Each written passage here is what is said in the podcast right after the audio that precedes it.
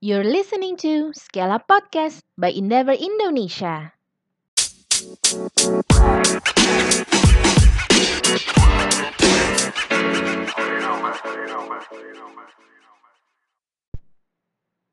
Hello everyone, welcome to our first episode of Endeavor Scale Up Podcast. Di episode pertama ini, kita akan ajak teman-teman untuk tahu lebih jauh all about fashion business. Bareng salah satu Endeavor High Impact Entrepreneur, Karlin Darjanto, CEO and founder dari Cotton Inc. From finding the right business partner, scaling up journey, industry insight, sampai ke pentingnya mentoring dan networking. Sesi ini diambil dari program Endeavor Scale Up Mindset yang bisa kamu lihat versi recorded videonya di YouTube Endeavor Indonesia. Enjoy!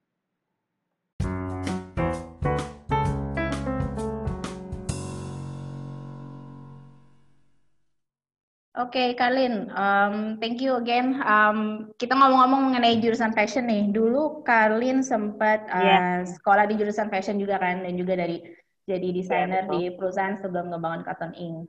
Dan dari jadi desainer lalu beralih ke punya brand sendiri. Um, Sebenarnya apa sih motivasi yang muncul saat itu? Um, apa sih yang bikin oke okay, gue mau uh, jadi entrepreneur ah punya brand sendiri. Apakah ada kayak semacam urgency atau impian kalau seorang fashion designer itu mesti memiliki fashion brandnya one day? Um, oke okay, thank you everyone yang udah having me today gitu. Uh, dan semua 300 uh, teman-teman lainnya yang sudah mau meluangkan waktu untuk mendengarkan sesi ini. Um, soal istilahnya maksudnya kepikirannya gimana gitu awalnya uh, sampai mau punya satu brand fashion sebenarnya sih aku tuh dulu tuh uh, salah ambil jurusan awalnya nih ini cerita yang jarang aku share tapi sebetulnya tuh uh, eh sorry ya itu ada suara anak karena nih di rumah okay. suara bayi yang tidak bisa yeah. kita mute ya jadi uh, maksudnya uh, waktu itu sih aku tuh sempat ambil bisnis bisnis in general gitu ya. Um, waktu itu kayak karena nggak tahu mau ambil apa terus berpikir sebetulnya masuk ke fashion tapi di sekolahku waktu itu tuh art itu emang bukan satu major yang terlalu hmm. di apa ya di um, beratkan titik beratkan uh, dari guru-gurunya gitu. Jadi yeah Nah, uh, saya tuh sebagai apalagi tuh jurusan IPA kayak berasa aduh kayaknya yakin gak sih masuk ke fashion gitu apalagi hmm. teman-teman saya either kalau nggak jadi insinyur atau masuk IT waktu itu atau masuk kedokteran gitu jadi sempat uh, ragu dan akhirnya ya deh kita pilih bisnis aja yang general siapa tahu uh, kesukaan aku tentang fashion itu tuh cuma kayak berlangsung beberapa bulan gitu. Yeah. But then ternyata enggak gitu. Jadi ketika masuk ke dalam satu college, kebetulan college di Malaysia, um, mm-hmm. kok kayaknya nggak terlalu serak ya gitu. Kayaknya maksudnya it doesn't interest me that much gitu. Terus akhirnya uh, ngobrol-ngobrol-ngobrol sama teman aku yang uh, ambil jurusan fashion dan dia cerita apa aja yang dia pelajari kan menarik banget gitu.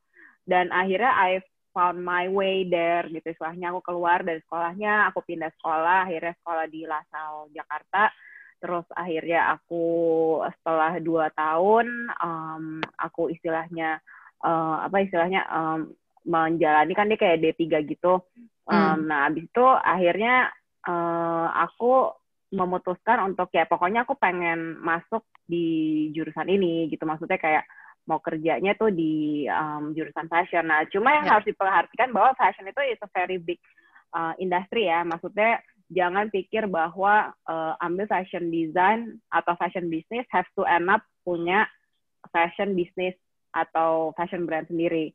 Okay. Ya well kalau desainer ya pasti pengen lah karena it's actually their apa ya um, semacam personifikasi gitu ya istilahnya kita tuh sebagai sebuah brand tuh kayak apa sih gitu.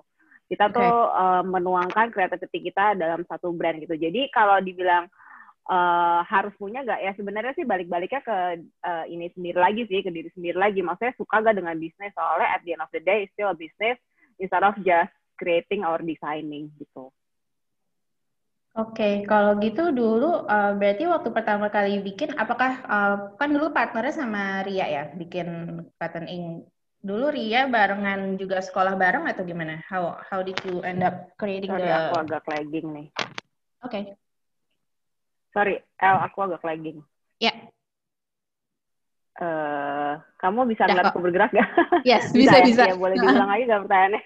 ya, jadi dulu itu waktu sebelum bikin uh, Cutting Ink, kan barengan sama Ria, partnernya. Mm -hmm. Dari pertama banget. Iya, dari pertama banget. Um, itu karena kalian satu jurusan and then you created the brand together, or how how does it work? Uh, How begitu sih. Jadi aku sama Ria tuh teman dari SMP gitu. Jadi kita SMP sama SMA bareng. Cuma Ria tuh ambil IPS, aku tuh ambil IPA. Jadi ya kita teman hmm. tapi yang bukan that ya close tapi bukan yang kayak kita sekelas bareng gitu. Ya. Uh, tapi kita pas abis kuliah tuh kita jadi deket gitu. Maksudnya pas lagi kuliah tuh kita jadi deket. Terus aku tuh juga tahu tuh Ria tuh is a very popular girl di kalangannya. Jadi waktu itu aku kayak akhirnya eh Ria gimana kalau kita gue bikin baju terus habis itu lo yang jualin karena lo kayaknya punya banyak teman gitu. Dan Ria ya. tuh uh, apa ya luas gitu orangnya. Maksudnya um, bisa menawarkan produk tuh juga dengan enak gitu istilahnya. Kan kadang-kadang ada orang yang kayak eh lu mau beli gak barang gue? Gitu. Kayak kan gak enak banget ya. Kalau dia tuh kayaknya uh, seamless aja gitu effortless yeah. gitu. Jadi akhirnya aku ajak dia tapi dia juga gak kepikiran karena kayak eh kayak gue harus ajak Ria nih. Kayak Ria pinter nggak mikir gitu juga sih. Jadi kayak random aja sih jujur kata yeah. itu dimulai dengan random. Tapi jadi maksudnya uh, akhirnya kita menyadari bahwa oh ini kayak something yang kita bisa uh, jadikan mata pencaharian. Tapi uh, and then kita juga nggak langsung lompat kayak ya udah kita langsung fokus kerja ini aja. Jadi waktu itu pun kita juga sempat uh, kerja masing-masing. Jadi Ria kerja aku kerja gitu. Sampai akhirnya one day uh, apa ya kerjaannya tuh udah getting out of hand gitu. Maksudnya um, permintaan juga udah tinggi sekali. Terus uh, apa ya income yang kita dapatkan juga udah setimpal gitu dengan pekerjaan yang kita punya. Jadi dari situ akhirnya kita berani kayak yaudah dari kita now or never nih kita bener-bener seriusin jadiin ini full time job kita. Um, jadi setelah kita bisa lebih fokus gitu. Jadi itu awalnya uh, di tahun sekitar tahun 2009 2010 sih kita akhirnya mau seriusin. Oke, okay. kalau kita dengar nama Cotton Ink itu kan sebenarnya gede banget ya, and it's also a, a living proof kalau local brand yang didirikan 10 tahun lalu tuh sering disangka brand luar dari sisi nama, dari sisi model-modelnya. Is was that on purpose at the beginning? Mau dijadiin seperti itu? Enggak sih, um, hmm. sebenarnya sih nama Cotton Ink sih juga ya walaupun menurut L besar, tapi kan juga di sini banyak teman-teman yang belum tahu ya. Jadi hmm. boleh aku share bahwa Cotton Ink itu aku dirikan di akhir 2008 uh, eh, dan kita juga istilahnya uh, tapi baru serius tuh kayak sekitar 2010 gitu. Dan akhirnya kita sekarang udah 12 tahun berjalan kita punya toko di lima mall. Unfortunately semua di Jakarta jadi mungkin teman-teman hmm. yang nggak di Jakarta mungkin belum tahu uh, ada di lima mall besar di Jakarta. Terus kemudian kita juga punya website yang udah berdiri dari tahun 2010 sebelum ada all e-commerce lainnya. Yeah. Um, terus ya istilahnya customer kami juga udah I don't know puluhan ribu, ratusan ribu, I don't know if uh, you, you count all the 12 years gitu dari uh, maybe ratusan kota di Indonesia sih. Nah jadi awalnya sih nggak pernah kepikiran ya, cuma waktu itu kita kebetulan bikin kaos, kaosnya ada sablon, jadi it's cotton and ink gitu ya. Jadi oh, it's okay. very nggak, gue nggak pikirin gitu, gue nggak pikirin that much gitu ya. Cuma ya uh, pas along the way, I think it also represents the brand itself karena the brand itself is very straightforward, simple, nggak banyak neko-neko gitu. Uh, we use a lot of cotton as well and also natural fiber walaupun ada polyester juga uh, dan juga istilahnya ink tuh melambangkan um, apa ya keberagaman wanita Indonesia sih dan hmm. keberagaman style yang kita bisa uh, approach karena kan ink is a very uh, apa ya istilahnya ya, sekali lu tetesin lu kan nggak bisa ganti gitu ya hmm, hmm. and it's very bold gitu ya jadi uh, it represent us as well jadi it's simple but bold at the same time gitu sih Hmm, oke. Okay.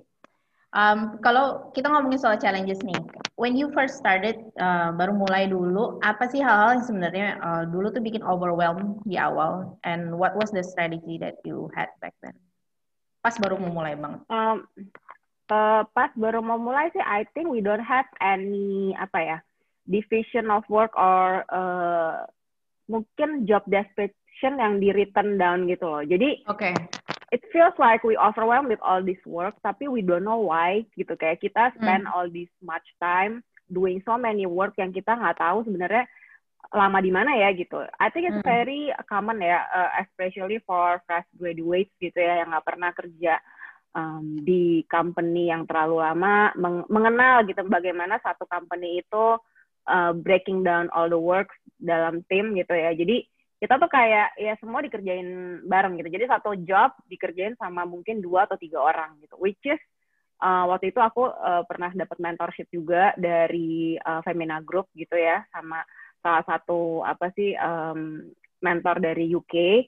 Kemudian dia cuma uh, reminds us aja maksudnya why you do one work itu you split it into two people gitu. Kenapa satu job itu harus lu berdua yang kerjain? It is very hmm. expensive job gitu. You pay hmm. two person to do it gitu. Jadi it's better you have a division of work gitu. Maksudnya ya siapa yang pegang departemen apa, siapa yang pegang departemen apa dan lama-lama uh, orang itu lama-lama skillnya jadi makin naik gitu. Jadi kalau kita ambil jurusan kan maksudnya gimana ya? Kita ambil um, jurusan kan juga karena kita suka dengan uh, jurusan itu gitu. Hmm. Jadi begitu kita makin lama makin mendalami kita tuh makin jadi expert. Yang mungkin awalnya kita masih SD kita akhirnya jadi SMP terus akhirnya jadi SMA gitu. Hmm. Comparing with you kayak tiba-tiba lu rakus gitu ya, lu mau ambil dua jurusan at the same time itu pasti akan yeah. jadi overwhelmed dan berantakan dan that's actually one of the thing yang aku lihat sih ya, terutama kalau hmm. di bisnis yang baru muncul awal itu kenapa kalian kayak capek banget karena sebetulnya ya either kalian kerjain semuanya sendiri dan nggak ada teman sama sekali dan nggak hmm. ada pegawai sama sekali atau ya kalian membagi tugasnya nggak sama rata aja. Jadi mungkin ada satu orang yang lebih control freak gitu maksudnya kayak I want to do it all by myself gitu.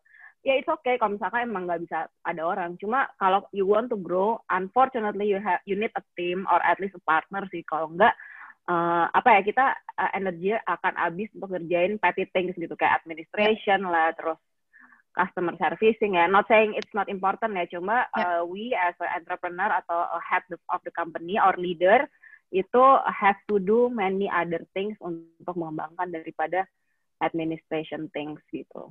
Hmm, Oke. Okay. Dulu itu kan berarti Cotton Ink itu started uh, online ya, and then offline dengan physical stores di mall-mall. Yeah. In dalam proses scaling up seperti itu apa aja sih dulu yang dibutuhin atau dikerjain awal-awalnya dari transisi dari online bukan transisi mengubah uh, apa namanya pengen punya menambah. ada juga uh, menambah ada physical store juga what was what was the the the proses yang dulu dikerjain pertama jadi uh, sebenarnya sih kita nggak apa ya sekonyong-konyong itu kata-kata favorit Ria atau gue taruh di sini. sekonyong-konyong langsung punya toko di mall gede gitu ya. Yeah. Dan maksudnya uh, I have to say ya, maybe several malls apalagi mall yang kita approach itu adalah mall-mall yang cukup apa ya uh, susah gitu dimasukkan hmm. dimasuki hmm. susah jadi kita hmm. ada di Pasar Senayan Senayan yeah. City Pondok Indah Mall Kota Kasablanka sama sekarang terakhir di Sumarekon Mall Serpong ini bukan mall yang gampang untuk masuk apalagi dulu tuh Pasar Senayan dan Pondok hmm. Indah Mall itu maksudnya yeah. bukan sesuatu yang kayak gampang dapat spot yang bagus ya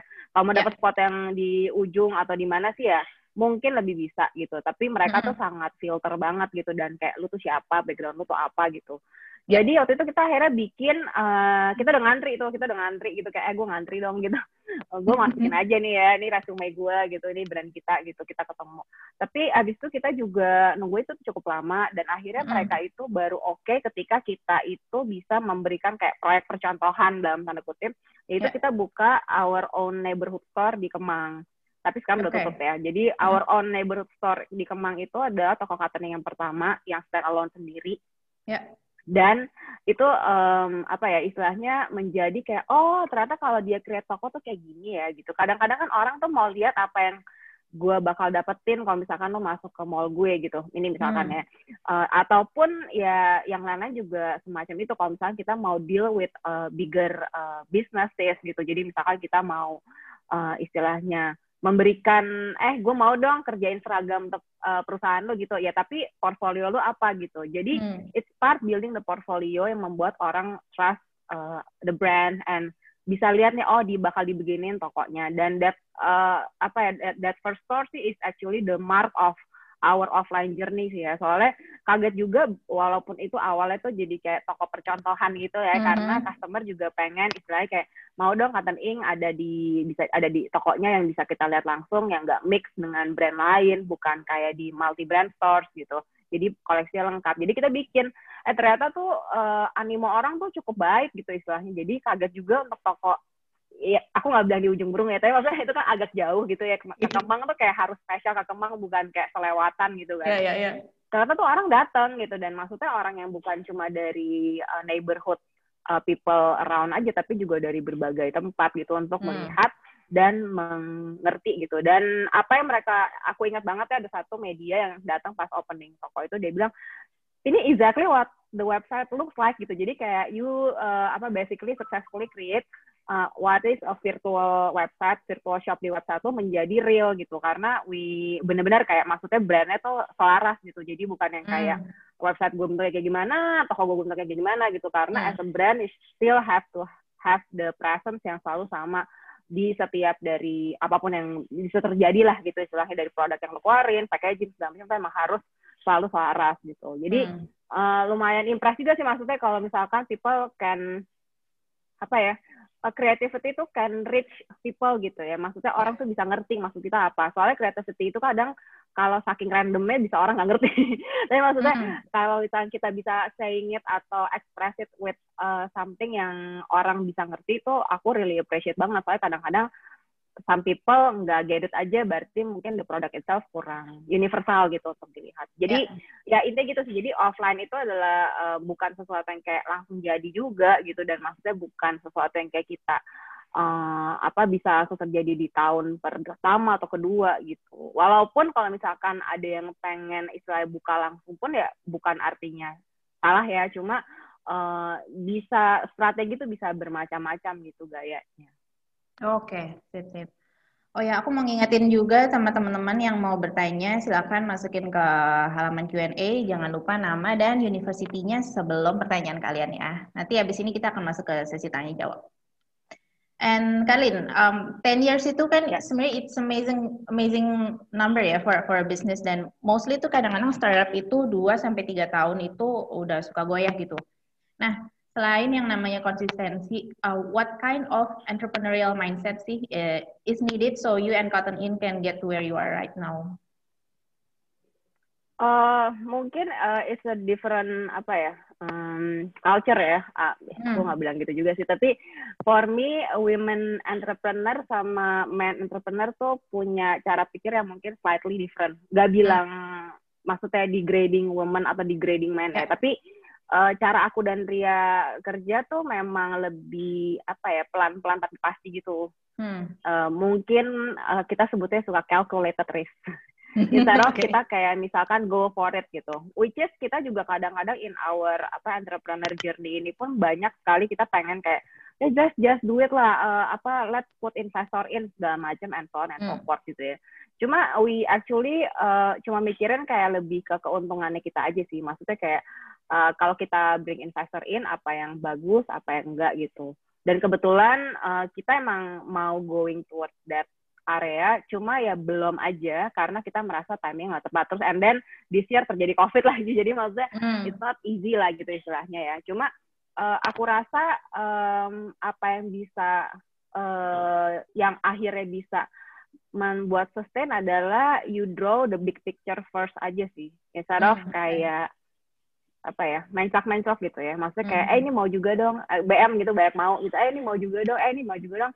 I think you just put your energy towards one thing dan trying to perfect that one thing gitu ya. Kalau aku ibaratin ya kalau misalkan mungkin teman-teman tahu kalau apa ya artis or mungkin pengrajin di Jepang gitu ya kan kayak sukanya tuh hal satu hal aja gitu yeah. perfecting one thing sampai 30 tahun gitu yeah. ya I don't have I, I don't have to say maksudnya you have to do same thing in 30 years cuma maksudnya mungkin kalau kita kerjain satu hal dan benar-benar kita kerjainnya sampai baik gitu kemudian dengerin uh, komentar kritik uh, dari hmm. customer hmm. dari teman-teman sekitar itu akan jauh lebih bagus daripada kita kerjain tiga hal sekaligus tapi akhirnya tiga-tiganya kayak ya udah gitu aja gitu hmm. tapi I'm not saying kalau you, you cannot try ya maksudnya it's just my point of view gitu kalau misalkan uh, mau ngerjain sesuatu mungkin uh, baiknya jangan kayak kebanyakan langsung kayak kerjaan lima project sekaligus punya lima partner yang berbeda nanti kepusingan hmm. sendiri gitu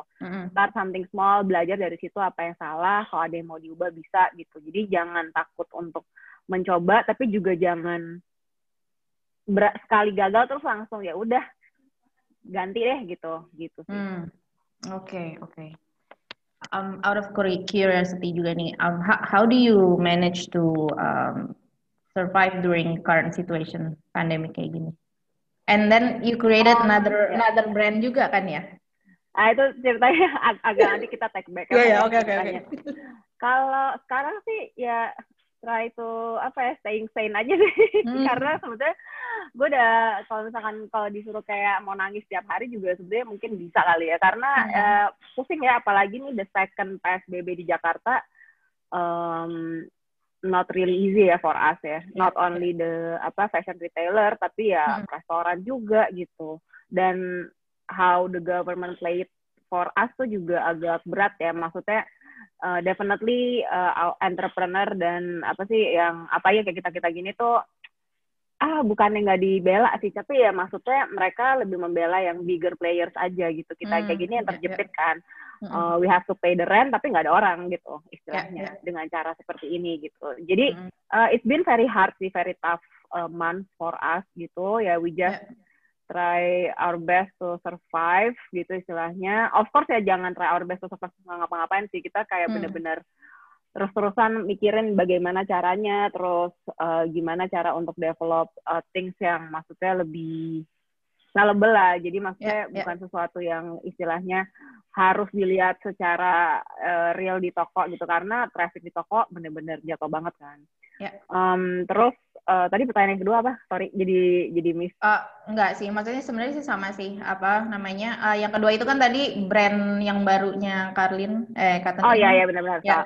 Jadi sebenarnya tuh pas uh, kita kan bikin plan kan juga lumayan ya bisa tiga tahun in advance gitu ya. Biasanya mm -hmm. kita bikin tiga, tiga tahun in, in advance sebenarnya itu udah perencanaan dari tahun lalu gitu sebagai salah satu our growth um, maksudnya gimana caranya bisa ekspansi yeah. uh, lebih baik lagi gitu uh, punya dua brand baru I think is just so uh, apa ya melebarkan customernya gitu. Jadi maksudnya nggak cuma customer yang kita ada serve sekarang, kita bisa masuk ke customer-customer lain gitu. Mm-hmm. Nah, unfortunately, um, kita tuh udah start the development, terus udah kasar beli bahan gitu ya, udah order kain gitu istilahnya. Yeah, yeah. Dan semua udah kita bayar gitu, terus terjadi hal ini gitu. Mm. Terus setelah kita timang-timang, timang-timbang, um, ya salah juga sih kalau misalkan itu kain cuma jadi ya maksudnya uang yang berupa kain gitu. Jadi yeah. I think we, yeah we have to try something dan akhirnya kita ya udah decided untuk ya just launch it aja gitu istilahnya. Mm.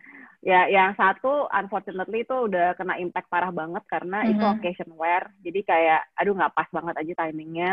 Yeah. Terus ya, yang kedua itu uh, baru banget launch karena kita juga udah develop dari tahun lalu namanya mm -hmm. The Life Of Uh, mm-hmm. Yang tadi yang pertama namanya Studio Asa, jadi memang mm-hmm. baju occasion wear.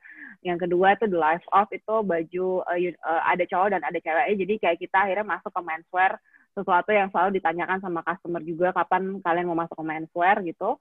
Uh, dan itu uh, ternyata not so bad loh without kita doing anything maksudnya bukan doing anything maksudnya kita lumayan belum promo gede-gedean pun maksudnya yeah. uh, ternyata orang ada yang beli aja gitu maksudnya setiap hari ada aja gitu penjualan gitu jadi Walaupun belum so great tapi maksudnya it's not bad gitu dan aku pikir uh, we really have to see business tuh in 10 years time gitu. Maksudnya yeah. kadang boleh ada yang short term plan kayak 3 years gitu, medium yang 5 sampai 7 tahun, tapi in the next 10 years apakah dia bisa jadi salah satu uh, apa ya istilahnya uh, anak cutting yang lain yang kita bisa yeah. jadikan besar gitu soalnya kan ya we really need to think bahwa uh, one day it will pass gitu jadi mm. apa pun yang kayak apa ya biji kecil kecil apa pun itu ya mungkin nanti akhirnya akan akan jadi besar kan jadi ya why don't we gitu istilahnya di tengah-tengah maksudnya um, apa ya, efisiensi dan juga productivity uh, juga lagi turun karena kita juga nggak bisa bikin terlalu banyak barang ya kita nyicil aja gitu bikin sesuatu yang mungkin bisa dinikmati sama customer mereka juga mengenal jadinya mumpung semua orang sekarang lagi belanja online dan akhirnya nanti maybe in the next three years dia tuh udah jadi brand yang udah udah 3 SD gitu istilahnya daripada kita sekarang pending pending terus kita have yeah. loss juga in terms of raw materials gitu yeah ya udah let's do it lah gitu. Maksudnya ya kita trying to be positive aja dan find some silver lining lah gitu. Oke, okay, sip sip sip. Um, Oke, okay, ini udah setengah jam berlalu ya. Kita masuk ke tanya jawab bareng teman-teman semua. Thank you teman-teman yang udah pilih, eh udah pilih, udah submit pertanyaan. Pertanyaan pertama itu ada dari Elsa Meliana dari Binus. Di era modern seperti ini, kita tahu bahwa banyak sekali bisnis yang bergerak dalam fashion dengan keunggulan dan keunikannya masing-masing. Apa yang Cotton Ink lakukan untuk menghadapi kondisi pasar yang sangat kompetitif dan apa saja value proposition yang ditawarkan oleh Cotton Ink? Ini ya pas zaman dulu ya gue mentoring ya gue selalu ditanya selalu proposition apa gue sampai sebel banget sama kata-kata ini. Which is good which is good. Maksudnya itu yang gue sekarang juga suka katakan kepada teman-teman sih maksudnya value proposition lo apa gitu. Jadi um, memang sih maksudnya ya fashion brand ya setiap hari juga ada kali yang muncul gitu. Maksudnya ya istilahnya kayak gitu ya maksudnya kayak banyak banget. Uh, to be honest sih sebetulnya dengan banyak yang muncul tuh sebetulnya apalagi lokal ya it, uh, actually good thing karena maksudnya berarti industri fashion lokal tuh emang udah jadi gitu. Soalnya hmm. kalau cuma ada satu atau dua player tuh gampang banget ditekan sama player-player internasional lainnya kan. Jadi for me dengan adanya banyak player baru itu proof bahwa memang customer di Indonesia tuh mau terima brand lokal gitu, bukan kayak dulu ya mungkin 10 atau 12 atau 15 tahun lalu yang kayak ah brand lokal pasti jelek gitu istilahnya. Jadi uh, their mindset tuh juga udah berubah gitu, which is good gitu istilahnya. Uh, dan kalau misalkan untuk ngapain aja yang untuk uh, menghadapi kondisi pasar, ya pasti kita banyak PR sih. Maksudnya fashion itu di drive oleh tren. Udah pasti, gak mungkin hmm. Pasti di drive oleh tren dan di drive oleh needs. Needs itu maksudnya contohnya kalau di luar negeri berarti kan baju fall winter, spring adalah something yang mereka butuh. Type of items karena weathernya. Indonesia kan nggak begitu ya. Kita have hmm. to season gitu istilahnya kemarau hmm. sama musim hujan. Yang yeah. which sekarang juga udah kacau gitu istilahnya karena global warming. Yeah. Uh, jadi ya we need to see the needs of uh, the customer. Ya pasti kita cannot miss Lebaran. Itu cannot miss at all gitu. Maybe it's the biggest apa ya month in the calendar lah istilahnya. Kalau yeah. kita cannot miss Lebaran itu karena Lebaran itu covering two months uh, sales gitu jadinya. Yeah. Jadi buat bulan Lebaran dan after ya, karena biasa afternya pasti sales akan going down a bit gitu. Yeah. Um, jadi istilahnya why we cannot miss uh, karena ya itu penting banget. Nah, hmm. jadi apa yang harus kita lakukan adalah kita benar-benar ngerti market kita tuh butuhnya apa dan hmm. tren apa yang juga bisa membuat mereka ngedrive mereka untuk berbelanja gitu. Yeah. Dan ini selalu mengcurate atau menglocalize tren apa pun yang ada dengan gaya kita sendiri ya. gitu. Kita nggak pernah berusaha mencoba salah, kita pernah mencoba tapi gagal. Maksudnya kita nggak berusaha mencoba mengubah brand kita. Maksudnya kita kadang hmm. coba kayak ayo kita bikin yang kayak agak-agak begini deh, tapi uh, it doesn't work gitu. Maksudnya customer hmm. kita udah melihat kita sebagai baju yang casual, everyday, enak dipakai, bla bla bla, so on and so forth gitu. Jadi yeah. um, we don't try to um, change our style dan pricing gitu. Maksudnya kita berusaha untuk selalu stay true to the that uh, apa ya kategori. And then we mm-hmm. just give them what they need gitu. Maksudnya kalau mereka lagi butuh baju lebaran kita kasih, kalau mereka lagi butuh baju natalan kita berikan dengan tren yang ada gitu. Misalkan tren sekarang lagi ada apa ya of course we have to cover it lah gitu. Jadi yeah. when we answer your uh, apa ya istilahnya ya needs gitu we answer your needs to be trendy tapi juga comfort tapi juga bisa pakai jalan-jalan everyday without thinking too much gitu that uh, area kita cover it gitu jadi kita nggak berusaha kayak tiba-tiba bikin baju yang terlalu uh, over the top gitu istilahnya uh, just for the sake istilahnya kayak biar punya gitu nah kita bukan brand seperti itu sih Oke, okay, thank you. Um, semoga ini menjawab ya, Elsa. Semoga ya.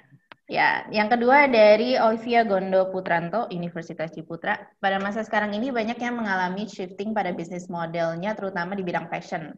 Um, bisa berikan tips fashion bisnis model apa yang ideal untuk diimplementasikan di masa sekarang ini? Berarti yang during this era kali ya? Oke, okay. uh, eh, jujur um, ya mungkin belum bisa dijawab. Cuma intinya yang apa yang dari pertanyaan diberikan ya aku agak bingung sih. Tapi I, I try to apa answer it ya. Mm-hmm. Uh, shifting, uh, aku nggak ngerti ya bisnis model shifting tuh maksudnya seperti apa. Tapi yang I notice these days adalah um, every brand tuh harus punya specialty gitu. Mm-hmm. Uh, you cannot be supermarket gitu. Istilahnya you have to be special. Apakah kamu itu penjual tas gitu, ataukah kamu itu penjual sepatu, ataukah kamu cuma penjual aksesoris, something yang specialty yang lebih uh, precise dan exact tuh biasanya uh, resonate well with the customer right now. Karena mereka berasa bahwa you spend all your time untuk ngerjain itu gitu. Hmm. Instead of kayak kamu punya 50-50 gitu, 50% bags and 50% uh, baju gitu. Uh, yeah. Maybe a little bit confusing gitu. Maksudnya yang gue harus beli yang bagus tuh baju ya atau sepatunya ya. Karena you uh, actually uh, apa ya competing with so many brands yang trying to uh, get the attention through social media atau through hmm. other channel, media channel gitu. Jadi ketika you want to compete, you have to kasih your best gitu ya. Ini my best aset, ini yang paling oke, okay, lo harus beli ini. Dan hmm. itu lo, apa ya, kayak lo terus-terus lo communicate uh, dengan berbagai cara, hmm. meyakinkan bahwa the brand is actually uh, kayak gini gitu. Tapi kalau misalkan shifting pada bisnis modelnya, I don't know ya maksudnya apakah uh, maksudnya online dan offline atau apa. Cuma menurut aku Indonesia tuh bukan apa ya yang benar dia naik banget secara online-nya. Cuma kalau di daerah tuh masih offline banget sih. Okay. Masih offline banget. Jadi uh, unfortunately we don't master it uh, that well gitu. Maksudnya we mm -hmm. want our next decade untuk memaster istilahnya offline di daerah gitu istilahnya yeah. dan bagaimana cara reach out, distribute customer di daerah instead of kayak di cuma di Jakarta atau Jabodetabek only dan kota-kota besar doang. Cuma uh, I think uh, there's a lot of opportunity there juga sih as well. And also okay. in different apa ya uh, kayak hijab hijab wear tuh udah kayak wow lagi booming banget gitu istilahnya yeah. kayak amazing deh maksudnya uh, you can find satu atau dua orang yang yang istilahnya nggak ngerti fashion at all nggak ngerti bisnis at all tapi bisa jualan ratusan juta tiap bulan tuh banyak gitu istilahnya di yeah, yeah, Indonesia yeah, yeah. gitu. Jadi hmm. it's a very big opportunity and it's a very uh, apa ya a big country yang needs a lot of things gitu ya dan mm-hmm. very fragmented gitu. Jadi masa mm-hmm. segmented and fragmented gitu. Jadi um, kalau lo punya produk yang emang bagus dan lo bisa jual tepat ke sasaran orang yang lo mau itu you will be ya maksudnya ya itu bisa gitu maksudnya it's very possible. Oke, okay, sip, sip. Semoga menjawab dari Olivia ya tadi. Thank you ya Olivia pertanyaannya. Terus yang berikut ini ada tentang modal dan funding. Dari Ajeng UGM. Hai Kak Karlin, aku mau tanya, kalau di bisnis, apa pun itu, kan harus punya banget modal sebagai hal utama. Gimana sih strategi dari Kak Karlin dan Kak Ria di awal merintis Cotton ini? Oke, okay. um, ini sering banget kita ditanyain juga ini. Um, uh, lucunya, bukan lucu sih ya, maksudnya hmm. uh, we started as a very humble beginning ya Aku sama mm-hmm. Ria waktu itu masing-masing cuma punya modal lima ratus ribu, lima ratus ribu. Itu pun hmm. juga Ria kalau nggak salah minjem dari orang tuanya. Mungkin gue punya nabung ya, I'm, I'm sorry ya, gue nabung. ya, maksudnya mungkin Ria minjem sama orang tuanya. Or buat kita, gue udah lupa it's 12 years ago. Jadi istilahnya modal kita tuh kecil banget gitu. Dan kita kayak ngutang gitu sama apa uh, supplier kita. Jadi kita nggak bayar dulu, tapi kita udah jual dulu apalagi yeah. kan zaman sekarang banyak sistem PO PO gitu ya yang maksudnya kita terima dulu uangnya terus kita bisa bikin jadi kita nggak harus kayak muterin uang atau pinjem uang segitu banyak dan itu happens until now sih. Maksudnya um, fortunately kita masih self funded ya sekarang of course ada pinjaman bank. Mm-hmm. of course ya gitu. Maksudnya kita butuh uh, spare lah ya. Maksudnya pinjaman bank is actually apa ya baik gitu. Bukan artinya buruk ya punya pinjaman tapi it's good untuk grow bisnis a little bit gitu. Dan mm-hmm. apalagi lagi kayak gini. Um, dan istilahnya kita memang ya itu aku bilang ya mungkin perempuan ya kita gagak bukan yang tipenya oke okay, pinjam langsung segini gitu untuk buka segitu banyak. Jadi kita memang sukanya wait and see gitu. Kita grow lebih organik kita harus kayak terlalu apa ya disuntik gitu kayaknya langsung hmm. push cepat gitu. Maybe it's just how me and Ria deals with business ya. Maksudnya hmm. aku nggak pernah bilang ada cara yang benar atau cara yang salah cara yang lebih baik atau enggak my yeah. the and the for friends tuh kayak wow gue tuh gue kalau kadang-kadang lagi baca di WhatsApp grup kita kayak oh my god dia dapat investment segini gede oh my god dapat investment segini gede gue berasa jujur gue berasa kecil tapi on the other hand gue berasa kayak mungkin uh, walaupun kita nggak seperti mereka tapi kita actually uh, post very positive cash flow business hmm, dan hmm. abis itu kita juga bisa ngatur our on time gitu apalagi sekarang aku sama Ria kan juga udah punya anak gitu jadi ya saraf kayak mungkin kita tepatnya nggak punya tim yang cukup kuat apabila kita mau uh, apa ya bring in investor di mana kita harus dikejar-kejar so many um, apa ya kayak um, uh, target gitu ya hmm. karena pasti kan mereka want demand target kan istilahnya karena hmm. investornya biasanya juga is, is, kecuali angel investor kan mereka juga punya uh, responsibility to the clients gitu. Jadi kan yeah. mereka juga bekerja gitu istilahnya di terms ini. Jadi kalau aku sih memang emang suka agak-agak lebih konservatif gitu istilahnya mm -hmm. ya mm-hmm. karena memang aku dan Ria tipe orangnya seperti itu at, at the end of the day gak ada yang salah dan gak ada yang benar ya you just do whatever you think it's right gitu dan sekarang ya maybe sih ya after 12 years aku punya lima toko gitu cuma kalau misalkan eh tapi kalau kali di invest mungkin udah punya 120 toko ya benar juga sih tapi perlukah catering punya 120 toko gitu istilahnya. Mm -hmm. Jadi hmm. itu adalah sesuatu hal yang emang harus dipikirkan. Cuma ya kalau misalkan mau jadi lebih gede ya pasti pengen lah gitu istilahnya. Cuman uh, apalagi lagi pandemi gini kita sekarang lagi berpikir untuk lebih survival secara kayak expansion sih gitu. Hmm, Oke, okay. thank you, thank you. Um, yang berikutnya ini mengenai brand identity nih. Kita dapat pertanyaan dari Yogi S. Aditama dari UI. Um, kalau dari sudut pandang pribadi, akhir-akhir ini bisnis fashion yang berkembang cepat itu yang berupa aparel, kayak distro, mulai dari kaos, hoodie, denim, dan sebagainya, dengan desain masing-masing. Yang mungkin memang sangat berbeda haluannya dengan cotton ink ya. Nah, yang ingin ditanyakan adalah saat ingin mendesain produk, apakah sebaiknya kita taking risk to imply our personal taste and value atau mengikuti haluan desain yang sukses dan diterima masyarakat? Nah, ini aku bilang nih bahwa market itu tuh actually very fragmented dan very segmented gitu. Jadi udah terlalu banyak aja gitu. Jadi nggak hmm. ada yang salah, nggak ada yang benar sih gitu. Jadi hmm. menurut aku sih sebenarnya uh, kalau menurut uh, Yogi yang lagi berkembang cepat itu adalah apparel distro tapi sebetulnya di sisi lainnya tuh ada juga yang berkembang cepat di tempat-tempat lain gitu dan hmm. amazing hmm. juga salesnya gitu. Jadi kalau emang Yogi ngertinya cara jual ke orang-orang seperti ini, which is ya fine, nggak apa-apa gitu. Karena menurut aku personal taste itu menandakan bahwa kita bisa ngerti market yang kita mau tuju. Contoh hmm. nih, aku nggak pemakai hijab. Kalau aku jualan hijab, mungkin nggak ada orang yang percaya sama aku. maksudnya kayak nggak ada yang percaya. Kayak maksudnya, ngapain gue beli hijab dulu ya? Lu uh, bukan muslim juga, nggak pakai iya, hijab yeah, yeah. juga gitu. Nah, itu adalah sesuatu yang sekarang tuh, customer sekarang tuh lihat banget. Hmm. Siapa yang punya, siapa yang di belakangnya, lu bikinnya kayak gimana, it's very important. Apalagi lu ngomong udah Gen Z, wah udah lebih parah lagi gitu. Hmm. Apakah sustainable, apakah lu pakai bahannya yang benar, apakah semuanya ini. Jadi mereka ini tuh semuanya beda sama mungkin market mama-mama gitu. Yeah. Market mama-mama kayak yang umur mama-mama 30-an sama mama-mama 40-an sama nenek-nenek 50-an tuh udah beda lagi. Tapi semua yeah. tuh punya disposable income gitu. Mungkin yeah. kalau yang kayak apparel distro yang dikatakan Yogi tuh harganya bisa lebih murah-murah.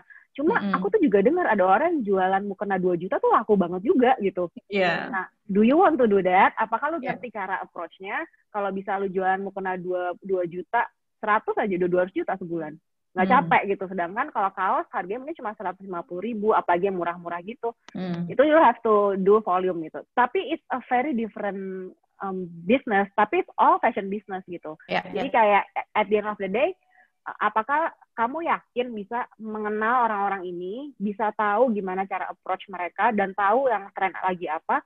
Itu yang the most important thing sih, karena hmm. mungkin hmm. kalau orang-orang di sini suruh jualan kayak baju kayak kata ini nggak ngerti juga, hmm. nggak ngerti juga gitu. Jadi nggak ada yang salah, nggak ada yang benar, it's just different market sih. Dan kalau misalkan kita bisa approach yang paling kita ngerti, it's apa easier lah gitu. Kalau nggak lo harus belajar gimana cara ibu-ibu belanja kan susah ya. Kalau misalkan kamu ngerti istilahnya cara uh, market kamu belanja ya dan harganya dan apa yang kalian lagi isu, apa yang kalian lagi ngerti, apa yang engaging gitu kontennya it's much much easier untuk jualan gitu sih.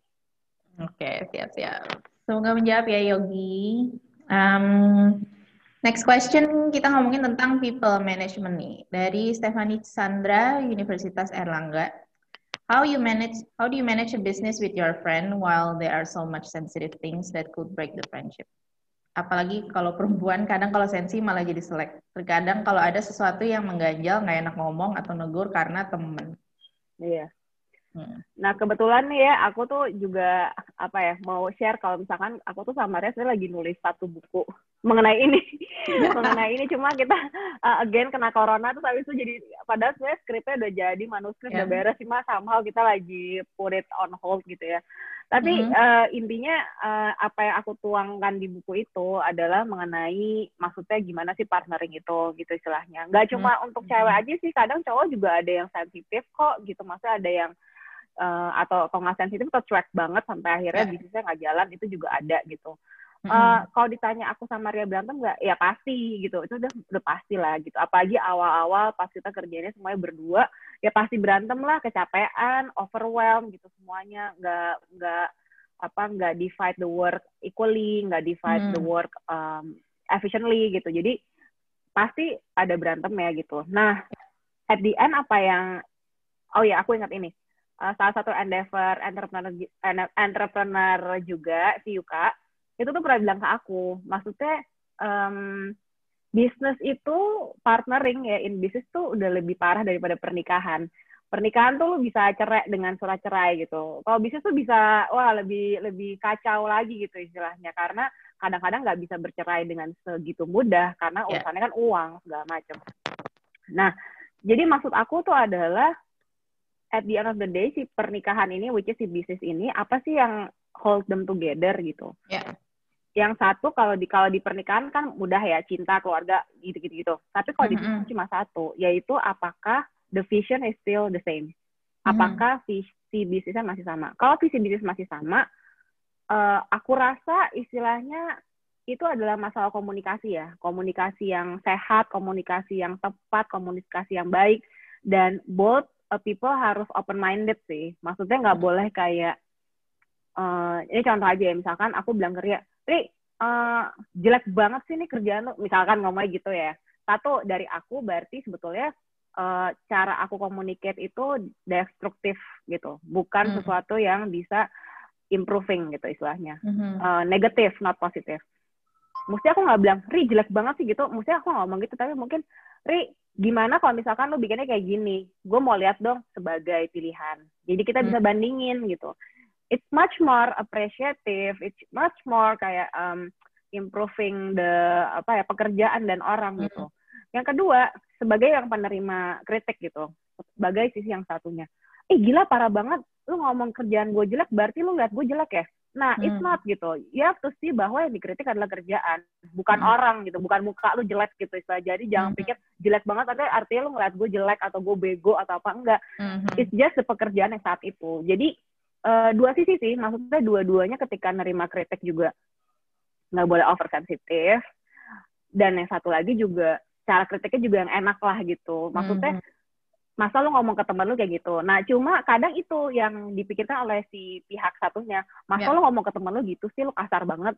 Sedangkan mungkin yang satu lagi kecapean atau ngerjain apa, jadi berasa, kan gue cuma kasih lu kerjaan begitu, no, kalau nggak bisa sih nggak becus gitu, di dalam hatinya gitu. Nah, at the end sebenarnya mereka cuma perlu curhat sih, apalagi perempuan ya. Curhat aja gitu, gue capek banget nih, gue kayak nggak kuat, mungkin gak sih lu bantuin gue ini gitu. Nah, Ya. kadang-kadang tuh rasa gengsi sih yang ngebuat uh, partnership tuh hancur. Gengsi aja, gengsi untuk share bahwa dia Mm-mm, nggak oke. mampu, gengsi untuk share bahwa kayak kita perlu hire orang deh, gue nggak bisa nih ngedesain pakai Photoshop gitu, gue emang gak sejago yang lu pengenin di Instagram gini gitu. Ya, ya, ya, ya. Jadi gengsinya diturunin aja, ngomong in from the heart gitu maksudnya kayak gue tuh kenapa gitu karena at the end of the day bisnis itu is apa ya kayak sekarang nih apa berasa banget ya ketika kita WFH kayak it's just communication between people aja sih Hmm. bedanya kayak gue sekarang ya communication between 130 people gitu gimana Hmm. cara mereka ini komunikasinya nggak salah karena biasanya yang Ya. ngebuat um, jelek sebuah bisnis itu atau nggak perform tuh karena cuma masalah komunikasi komunikasinya salah dari cara dari timing bisa bermacam-macam sih gitu. Hmm, Oke. Ini sih sebenarnya masih ngar masih nyambung ya dengan apa uh, people management. Ada pertanyaan dari Kevin Syaferian dari Universitas Ciputra Surabaya. Um, dia itu punya bisnis um, snacking business with four other members of the team dan masing-masing juga punya their own jobs. Nah, uh, the Ya. experience-nya dia in managing team itu sebenarnya it was difficult at first to divide the people whom to do which job gitu. Jadi kayak uh, sebagai CEO atau founder, we have to know each other first in order to give them the best work so that they will work better. Does that come is in a short time? Jadi dulu waktu pertama kali Cotton Ink mulai, apakah tim kan timnya mungkin masih masih kecil ya waktu di awal-awal gitu. Apakah um, Mhm. untuk apa namanya untuk mengenal uh, does that come in a short time and how did you define the work division for your each team members when you want to growing up your business gitu. Dan juga yang terakhir ini nih, how do you put your trust to the people to do the work you give? Oke, Um, kebetulan sih aku tuh kan maksudnya backgroundku, istilahnya papa papaku juga entrepreneur ya, dan dia juga punya hmm. banyak partner bisnis gitu. What I see is actually, um, dan my husband juga punya banyak partner bisnis, dan kadang aku denger curhatan mereka, jadi lumayan lah ya, punya banyak insight ya. What I see sih sebetulnya um, picking partners tuh susah-susah gampang ya. Yang kayak tadi tuh si Yuka, salah satu endeavor entrepreneur juga bilang bahwa udah kayak pernikahan gitu. Jadi kalau you have for other members, jadi berlima, ya lu menikah berlima nih. Lima-limanya harus saling happy, kayak lu punya satu keluarga gitu. Dan ekspektasinya juga beda-beda antara satu orang ke empat orang lain dan semuanya juga gitu. Hmm. Jadi kalau dari aku sih sebenarnya dari awalnya itu sih, maksudnya partners ini kenapa lu ajak gitu? Apakah okay. karena monetary value? Maksudnya kayak monetary value itu meaning uh, gue nggak punya cukup modal nih gitu, hmm. barengan dong gitu kita bikin perlu modalnya 10 juta nih buat bikin packaging, beli makanan gitu, sama ini itu. Jadi bagi berlima jadi 2 juta, gue ada deh kalau 2 juta. Kalau emang monetary value um, dan bukan karena apa ya, karena uh, dia emang bisa contribute itu agak susah sih karena kalau di kalau di bisnis ya itu namanya investor gitu istilahnya. Yeah, yeah, yeah, yeah. Dia cuma giving monetary gitu. Tapi if you want this person atau ada dua tiga orang nih bisa nih yang partneran nih ya gue cuma mau citin doang tapi gue gak mau kerja gitu. Uh, ada sih caranya bahwa kalau ada apa ya laba atau profit, profitnya ini sebagian harus diberikan kepada tim yang kerja ya nggak hmm. apa-apa kan lu kan nggak kerja sama sekali lu cuma ongkang-ongkang kaki uh, cuma komen-komen aja gitu kadang-kadang kan suka begitu ya partner ya yeah. ya udah nggak apa cuma kita diberikan apa ya share untuk uh, working partners gitu sebagai working hmm. partners misalkan nih dari laba 100% 20% di reserve dulu untuk para working partners yang bekerja nanti 80 persennya baru bagi lima gitu. Jadi okay. working partners ini berasa bahwa mereka emang contribute much. Dan yang paling penting adalah ketika bekerja, kalau memang bisa digaji. Hmm. Dia nggak kerja ya nggak usah digaji gitu. Uh, dan I, I'm not saying kayak lu harus gaji 5 juta, 10 juta, enggak ya. Iya, lu mau gaji 2 juta juga is actually a token of appreciation kepada kita yang kerja dong. Dibandingkan yeah. lu yang cuma komentar. Ini ini ini yeah. menurut gua aja ya. Yeah, Karena yeah. di bayangan gua kadang suka yang terjadi dramanya di antara lima orang gitu istilahnya. Hmm. Nah, kemudian kalau misalkan menurut aku uh, boleh banget diajak ngobrol, maksudnya lu mau kerjain bagian mana gitu, lu mau lu berasa lu jago di bagian mana gini gitu. Tapi kalau misalkan ada yang ternyata setelah dicoba selama tiga bulan atau empat bulan emang nggak bisa, jangan dipaksa gitu menurut aku. Soalnya malah akan jadi bikin yang memanage ini atau uh, Kevin ini malah kesal sendiri gitu.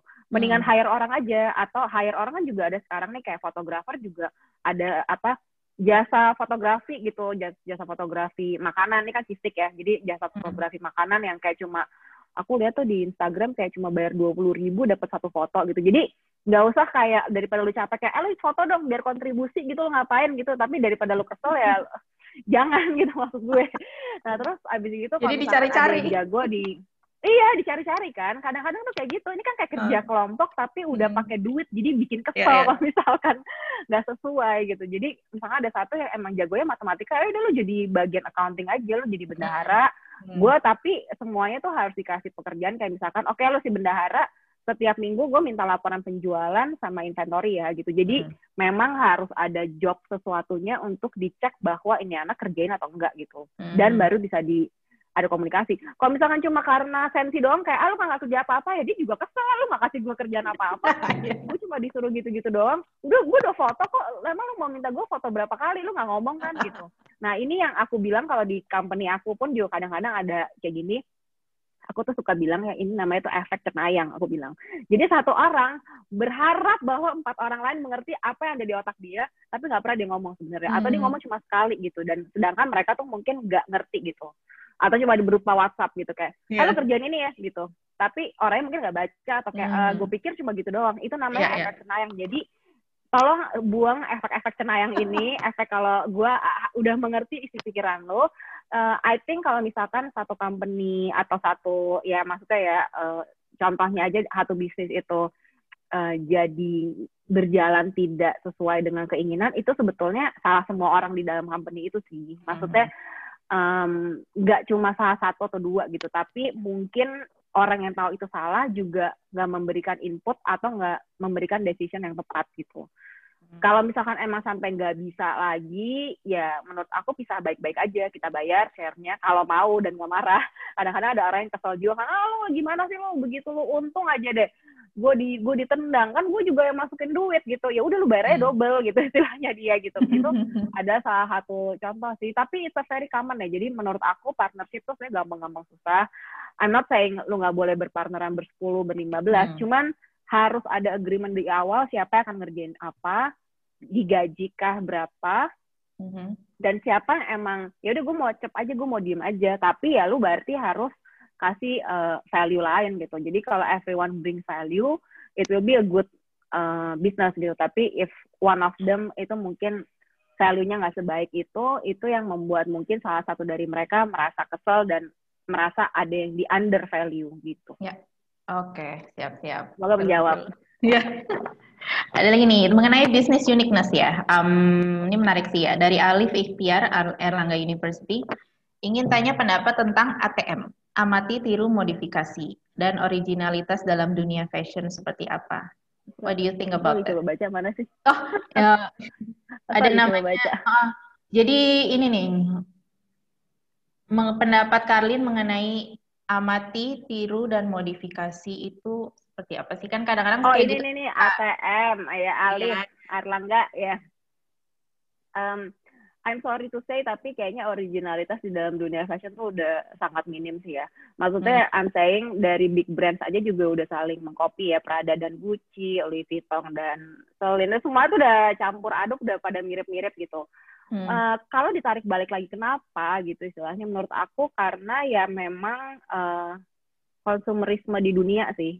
They really hmm. want something fast, they really want something untuk growth gitu. Kayak aku uh, mungkin ya maksudnya di terms di pandemi ini tuh membuat aku juga sering berpikir ya maksudnya uh, about this gitu. Maksudnya hmm. um, kayaknya tuh mungkin karena at the end of the day ya customer demand-nya emang maunya cepat gitu maunya yeah. cepat maunya murah atau maunya kompetitif atau maunya something yang kayaknya harus diburu-buru gitu yeah. coba pikirin dulu fashion brand itu uh, big brands ya big houses brands itu ya dia paling punya collection cuma dua kali dalam setahun sekarang mereka harus bikin empat kali dalam setahun hmm. dan sekarang in between suka ada collection lagi gitu jadi you think the team tuh harus di push banget kreativitasnya gitu istilahnya same as us gitu maksudnya kita juga awalnya punya collection dulu mungkin satu bulan sekali atau bahkan dua bulan sekali. Hmm. jadi satu setengah jadi dua eh jadi sorry jadi dua minggu sekali kemudian jadi akhirnya seminggu sekali kayak sekarang gitu. Kita juga udah being push that hard gitu. Not saying kayak sekarang aku bilang kayak kita mencontek ya. Cuma memang kita mencari tren apa yang lagi ada di luaran dan kemudian produce the trend yang customer kita mau kayak baju yang aku pakai ini sebetulnya ya bukan contekan. Kita uh, bikin print sendiri gitu istilahnya. Kita hmm. bikin print sendiri tapi it's actually a trend print gitu maksudnya. Jadi bukan artinya kita nggak hmm. um, modify sama sekali gitu. Tapi if you saying kayak istilahnya apakah ada yang original pasti ada. Cuma memang udah sangat sedikit gitu. Udah susah. Dan semua brand yang ada gede di luaran ya you say nggak usah di luar fashion ya kayak Kylie gitu Kylie pun kan uh, artwork bibirnya itu juga nyontek gitu istilahnya. Tapi ya people hmm. just don't care gitu istilahnya. Hmm.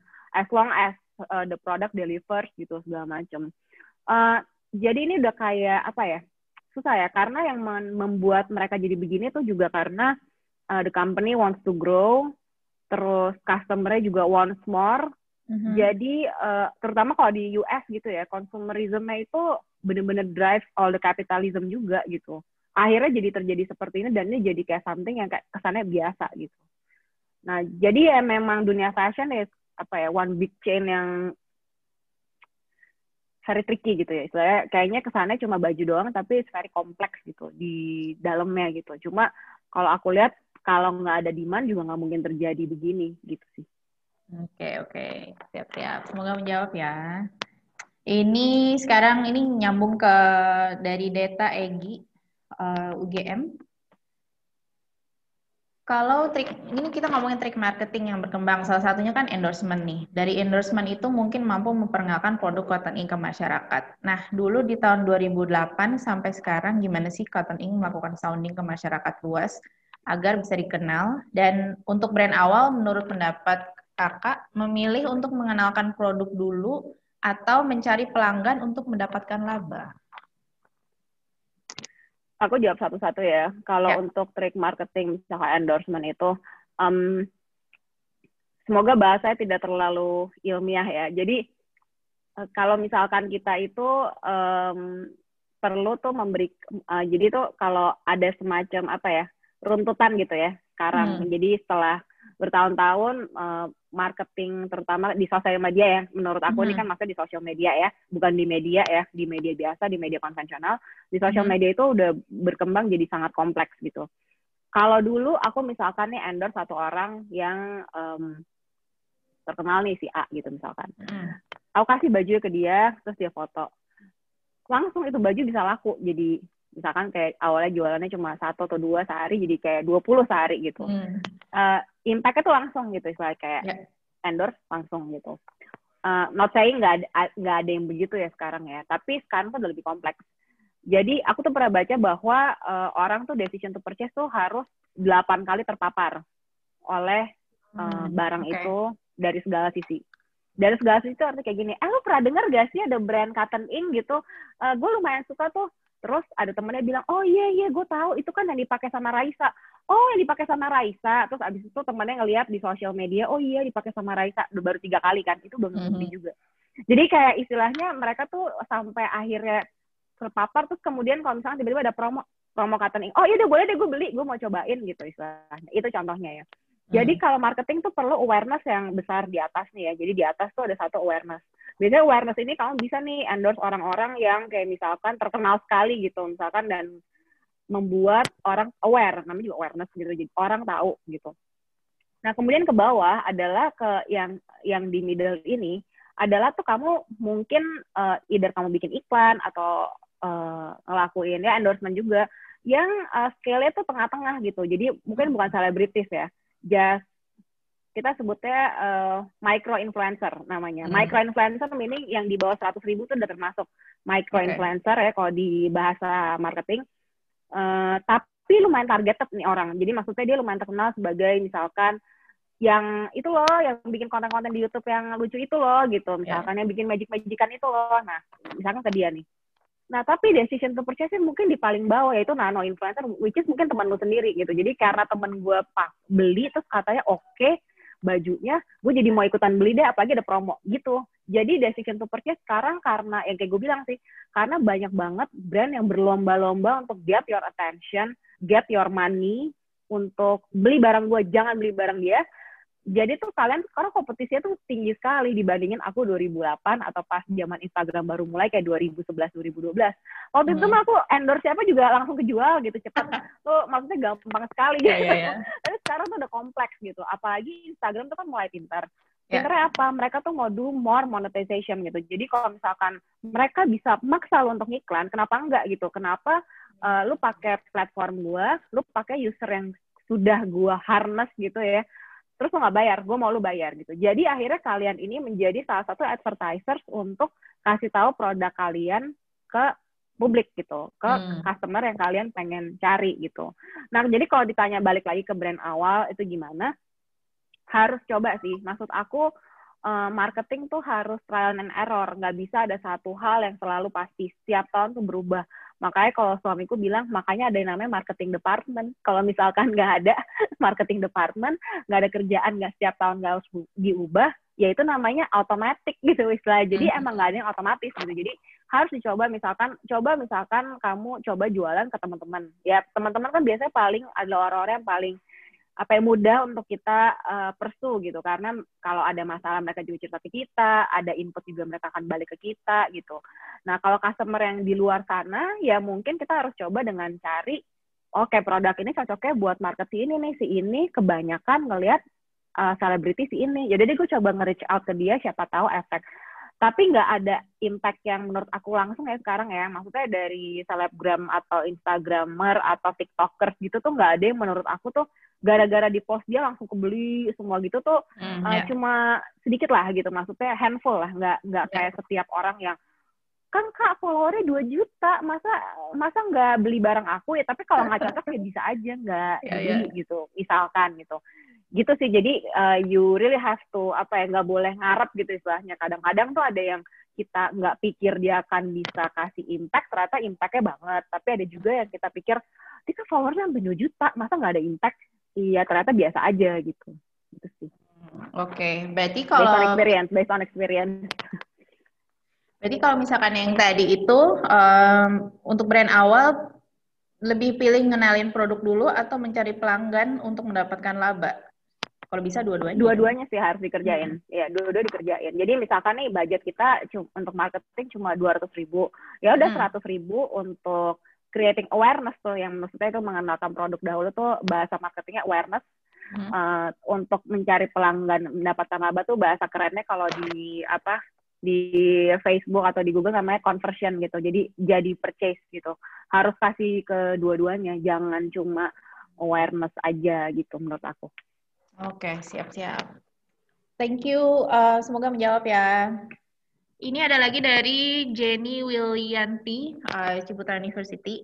Banyak yang bilang kalau if you want to grow your business, you need to find a good mentor.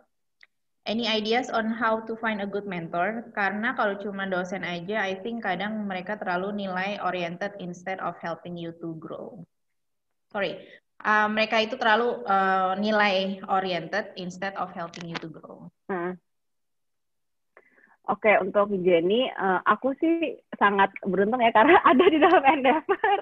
Jadi kamu aspire aja untuk bisa masuk Endeavor karena mentornya di situ udah maybe the best mentor in the world kali ya yang ada. Menurut aku sih aku bisa ada di sini sekarang juga karena terbantu oleh Endeavor gimana cara kasih aku apa ya biar aku tuh think in bisnis itu sebenarnya apa gitu. Cuma ya untuk sekarang kan mungkin agak jauh ya karena Endeavor juga punya apa ya istilahnya tes-tesnya untuk bisa menjadi endeavor entrepreneurs.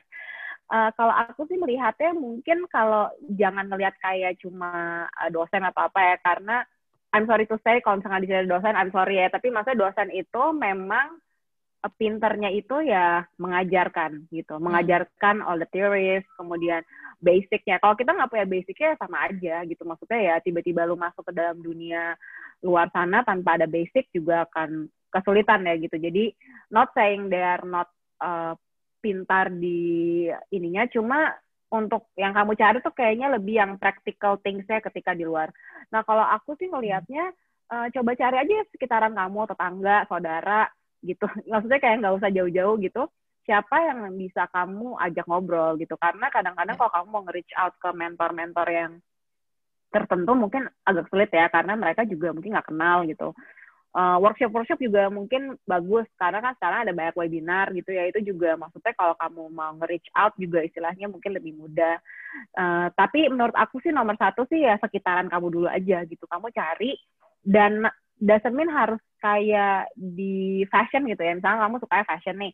Ya doesn't mean kayak dia tuh yang harus bener-bener orang di fashion gitu. Karena sebetulnya basically hmm. bisnis uh, man atau business woman atau entrepreneur tuh punya cara pandang yang mirip gitu ya. Cara pikir mereka tuh cukup mirip sehingga kamu bisa mendengarkan kayak experience mereka cerita mereka kamu sebaiknya harus ngapain gitu soalnya aku tuh awal-awal juga ngobrol sama kakakku sama papaku gitu. Jadi bukannya hmm. my first mentors mungkin ya mereka itu. Kayak misalkan aku ingat pak aku mau buat PT ah biar kayaknya mantep gitu. Dia langsung wanti-wanti kamu kalau mau ada PT ya kamu harus punya accounting yang kuat ya awas aja. Kalau enggak nanti lu kebelit pajak aja gitu loh. Jadi kayak maksudnya uh, dia tuh udah kasih tahu hal-hal kecil yang mungkin dia uh, karena dia kan care kan for us pasti kan. Nggak mungkin yang kayak cuma sepik-sepik doang gitu. Yeah. jadi eh, nggak uh, usah jauh-jauh sih. I think ya coba cari aja around you.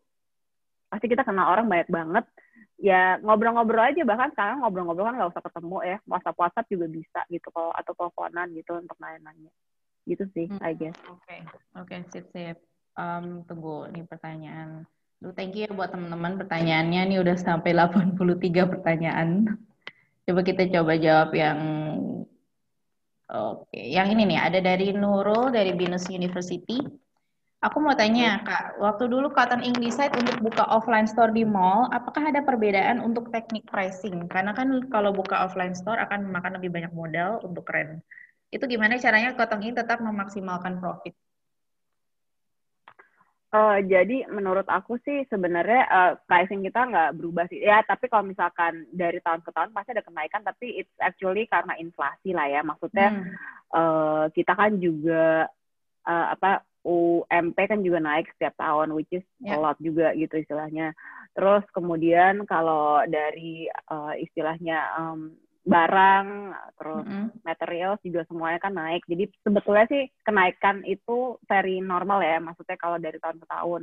Cuma yeah. memang sebaiknya kalau kalian tuh pengen kepikiran nih one day ada offline store, uh, pricing structure-nya harus diperbaiki dulu dari awal gitu. Okay. Karena kita tuh harus punya spare untuk marketing, terus kita harus punya spare untuk rent space-nya, terus kemudian nanti ada pegawai juga gitu. Nah, kenapa akhirnya aku putuskan? Karena at the end of the day aku buka offline store dibandingkan aku iklan se dengan seharga rent dan uh, overhead online store in, offline store ini ternyata aku gain much di offline karena dia ngebuka bener-bener completely new market asalkan tempatnya rame okay. ya asalkan tempatnya rame ya kalau tempatnya nggak rame ya udahlah itu sedih lah set set kayak sekarang kayak sekarang set set Yeah, gitu. yeah. Cuma maksudnya kalau offline itu maksudnya uh, it's a good thing karena kadang-kadang waktu itu pas aku bikin satu survei dari uh, menggunakan salah satu lembaga yang independen gitu, mm-hmm. ada yang kenalnya karena offline store bukan karena online gitu. Jadi uh, jangan terlalu kayak waduh online tuh udah kayak wah nggak gitu juga sih maksudnya Indonesia tuh masih gede banget dan nggak mm-hmm. semuanya belanja online gitu istilahnya jadi menurut aku sih emang pricingnya kalau emang kamu kepikiran one day mau punya offline store memang harus ada dan mungkin untuk mengantisipasi tapi kak harga barang aku udah segini kalau aku naikin tiba-tiba gimana ya ya kita bisa menurut aku tuh punya margin yang banyak tuh membuat kita tuh bisa melakukan banyak hal contoh do marketing gimmick kayak tiba-tiba oke okay deh 10% plus 10% gitu buat hari ini aja gitu. Jadi kamu tuh udah punya spare itu loh untuk membuat marketing. Terus packaging yang bagus gitu. Karena kamu pengen stand out dari yang lain, kalau kamu harga barang yang murah, terus aduh yang lain kok bagus ya itu uh, tapi kan dia emang lebih mahal dikit dari gue. Tapi kan kadang orang kan ngelihat produk kan dari bener-bener packaging sampai selesai gitu. Jadi ya. itu juga salah satu input sih. Jadi maksudnya aku margin jangan terlalu mepet karena kalau terlalu mepet nanti kamu nggak bisa ngapa-ngapain gitu untuk ngembangin selain dari produknya sendiri gitu, dari human resource yang nggak bisa ngapa-ngapain, dari uh, rem juga nggak bisa ngapa-ngapain, udah terlalu mepet dari segi margin. Gitu. Oke hmm, oke. Okay, okay. Um, ada lagi nih pertanyaan mengenai scaling up ya um, dari Alia Zahra ITB. Um, Ingin bertanya kapan sebaiknya brand memulai untuk scale up? Apa yang menjadi pertimbangan dan evaluasi apa yang dilakukan oleh Cotton Ink sangat saat memutuskan untuk scale up? Jadi at what point sih kalian ngerasa ah, ini gue udah waktunya nih untuk scale up nih? Hmm, kalau aku sih ngelihatnya dari kematangan brandnya ya. Hmm. Sorry, uh, jadi maksudnya yeah. brandnya udah cukup matang belum untuk kayak kita besarin gitu. Biasanya -hmm. preparation yang dibutuhkan tuh adalah dari produk sendiri apakah udah stabil. Kalau misalkan kita produksi disuruh dari 100 ke 1000 apakah bisa? Mm-hmm. Terus apakah support sistemnya cukup stabil gitu maksudnya yeah. again kita harus ditanyakan dari 100 nggak usah ke 1000 deh 100 ke mm-hmm. 300 gitu apakah bisa support sistemnya administrasinya semuanya apakah bisa yeah. terus uh, sistem sendiri yang digunakan untuk um, kayak kalau di aku namanya sistem ERP ya. Jadi ERP-nya apakah sudah ready? Soalnya kalau or, barang dan orangnya banyak tuh kadang tuh suka akhirnya kita jadi akhirnya nggak tahu berapa laba dan ru atau profit yang kita punya karena saking kita nggak mungkin nggak bisa ngerekonsil dengan tepat penjualan gitu. Apakah accounting timnya ready untuk ngitung semuanya gitu. Jadi scale up itu bukan semena-mena istilahnya cuma sekonyong-konyong terus suka banget kata sekonyong-konyong. Sekonyong-konyong kayak cuma ya udah naikin aja dari 100 jadi 200 cuma ready gak orang di belakangnya? Yeah. admin kamu ready gak? Apakah kamu sendiri yang masih ngepack gitu? Kalau kamu biasanya ngepack cuma 100 piece barang sehari terus tiba-tiba dijadiin 200 kamu hmm. ready gak gitu mungkin sesimpel itu dulu sih. Dan kalau kamu tiba-tiba dapat orderan oke okay, saya mau order minggu depan 500 ya. Kamu ready hmm. gak gitu. Kalau misalnya kamu masih bilang kayak aduh kayaknya tahu nih bisa apa enggak ya? Aduh uh, kayak gue kecapean nih nggak bisa. Ya itu berarti ya sebetulnya sih belum ready sih gitu. Jadi memang kita harus siapin fondasinya dulu gitu. Jadi kalau kayak main apa ya main spek-spek yang itu tuh istilahnya bawahnya tuh udah harus kuat dulu hmm. besarin dulu baru kalau udah mau naik eh, tinggal kita like kayak tune up the volume tuh bisa gitu jadi kayak aku sekarang kalau misalkan eh, ini ini di luar corona ya ya udah buka toko ke-6 ke tujuh ya kita udah bisa gitu. Udah mm -hmm. tahu jalannya gitu. Of course ya masa capital is another thing ya. Oke kita harus uh, cari capital atau mungkin pinjam ini terus cari orang cuma kita udah tahu caranya udah tinggal kayak twing gitu ada tempat twing gitu buka gitu ya tinggal kayak gitu gitu istilahnya karena kita udah tahu jalannya tapi yang kalau yang enggak maksud aku tuh yang jangan dilakukan adalah misalkan kita belum tahu terus main langsung buka tiga toko nah itu nanti hmm. kamunya sendiri yang overwhelm terus banyak bocor di mana-mana dari segi ya amit-amit gitu ya pencurian dari pegawai sendiri itu kan juga bisa terjadi ya kita pun pernah hmm. ngalamin hmm. jujur gitu okay. uh, eh, nah itu sih kalian mampu gak gitu itu sih yang aku takutin soalnya antara jualan 10 piece sama 1000 tuh udah bedanya langit bumi ya bener-bener langit yeah. bumi gitu kompleksitasnya terus nanti ada yang mungkin bisa bilang Kak, aku jualan 10, profit aku 50%. Aku jualan 1000, profit aku cuma 20%. Ya itu benar. Karena kamu bayar orang, kamu bayar sistem gitu. Tapi kan mm-hmm. kalau 20% dibandingin 50% kamu 10 piece kan lebih banyak tetap 20% tapi jual 1000 gitu. Hmm, oke. Oke, oke. Thank you, thank you. Ini ini banyak juga nih pertanyaan yang apa uh, nanyain lebih kepada starting ya. Um, ini ada yang menarik juga dari Anissa Anna Yunira, uh, Universitas Indonesia. I want to ask some questions. What are the steps do you think is really important when you want to start building your own clothing brand when you don't have any design skills?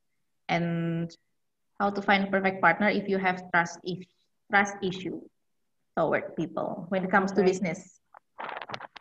Oke, okay, aku jawab yang pertama dulu ya. Uh, hmm. Steps yang really important.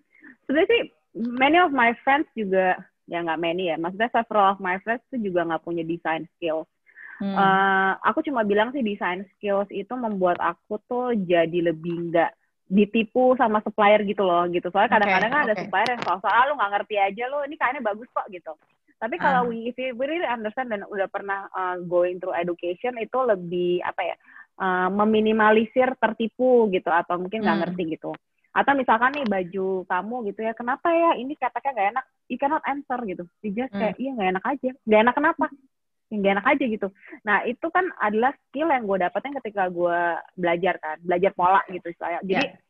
I can find and uh, easily um, memecahkan masalah begitu comes to technical problems gitu. Jadi kalau hmm. misalkan nggak ada di sana tuh nggak kenapa-napa juga sih, cuma kalau ada technical problems ya you really have to face it dan cari orang yang mungkin ngerti either teman mama kamu yang penjahit kayak atau penjahit hmm. di pasar I don't know lah tapi you have to find it gitu istilahnya kalau aku udah beruntungnya karena aku tuh tahu uh, basically tuh bantu apa aja atau segala macem itu satu menurut aku sebetulnya nggak apa-apa cuma mungkin ketika ketemu problem jadi agak lebih susah sedikit gitu dibandingkan kalau kamu udah punya uh, the education mm -hmm. uh, terus kemudian pertanyaan kedua adalah how to uh, find the perfect partner.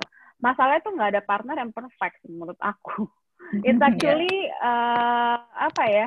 Kayak trying to apa? menggabungkan dua value atau dua skill yang berbeda untuk enrich the business itself gitu. Jadi uh, menurut aku sih istilahnya kalau Ria tuh juga desainer dan sama aku desainer gitu dan kita nggak ada satu yang punya lebih cocok atau condong ke marketing atau ke graphic design skill, kita tuh akan lebih lama gitu maju dibandingkan kayak Ria nih, dia tuh emang jago di marketing dan jago di graphic gitu. Hmm. Communication, design gitu kan emang adalah apa yang diambil pas dia kuliah dulu gitu. Yeah. Nah, itunya basic dua basic itu tuh jadi kayak memenangkan gitu istilahnya daripada yeah. kita berdua-dua adalah graphic designer gitu.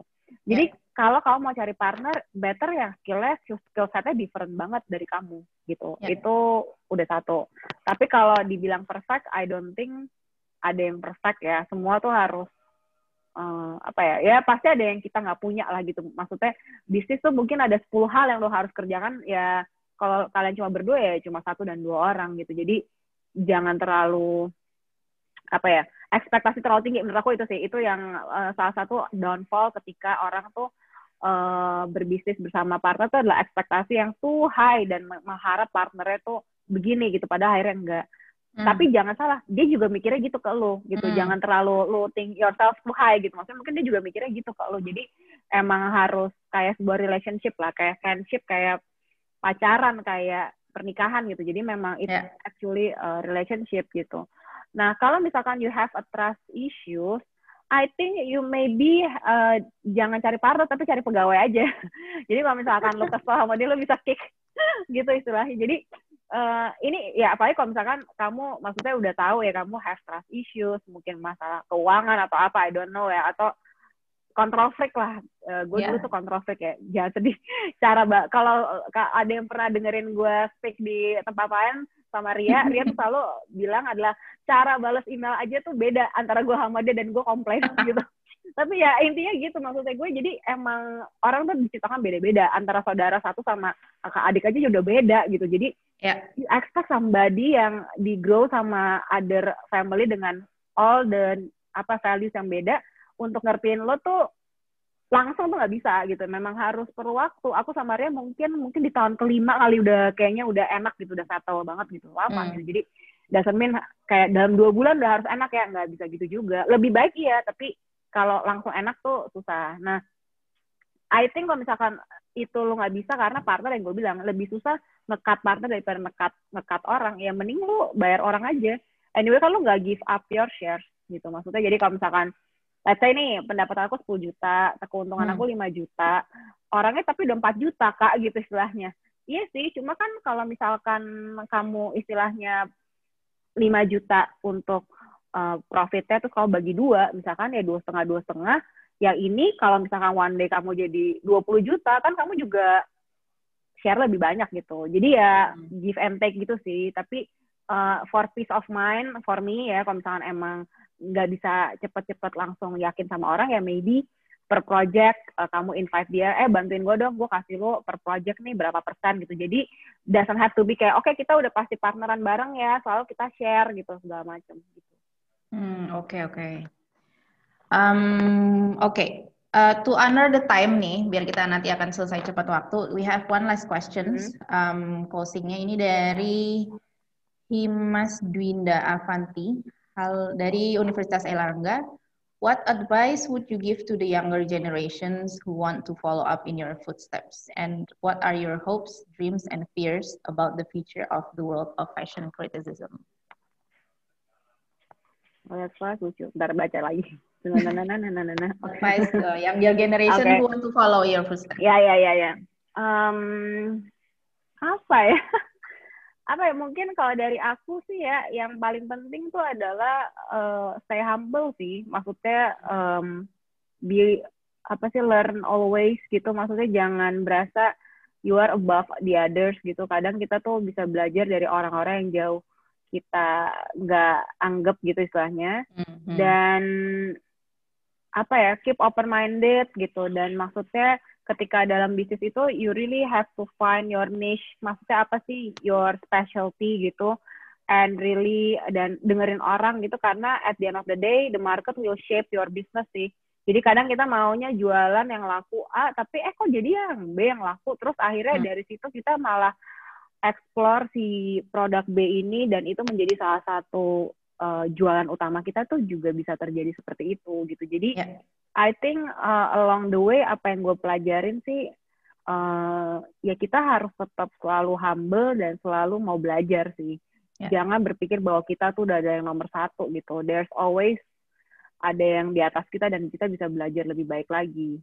Mm. Kalau misalkan about hopes, dreams, and fears about the future of the world of fashion criticism, uh, apa ya maksudnya fashion criticism? Mungkin about the inclusivity sekarang. Aku nggak tahu ya maksudnya criticism I think uh, fashion world sih yang kayak aku bilang tadi ya, the consumerism di dunia ini tuh memang besar gitu. Uh, I have to say, um, Cotton Ink sendiri tuh selalu berusaha untuk nggak overproduce gitu istilahnya.